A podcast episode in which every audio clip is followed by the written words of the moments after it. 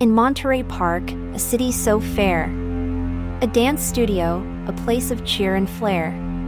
But on a night of Lunar New Year fest, tragedy struck, a horrific test.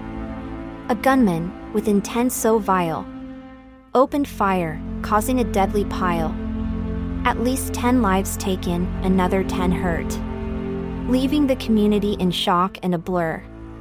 The shooter fled, still on the loose, leaving authorities with no excuse to bring justice for the victims and their kin, and to prevent such a tragic sin.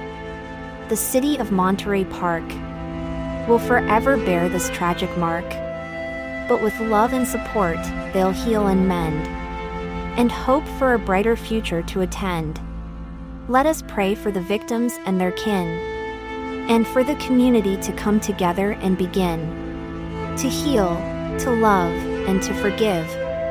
For in unity, we can truly live.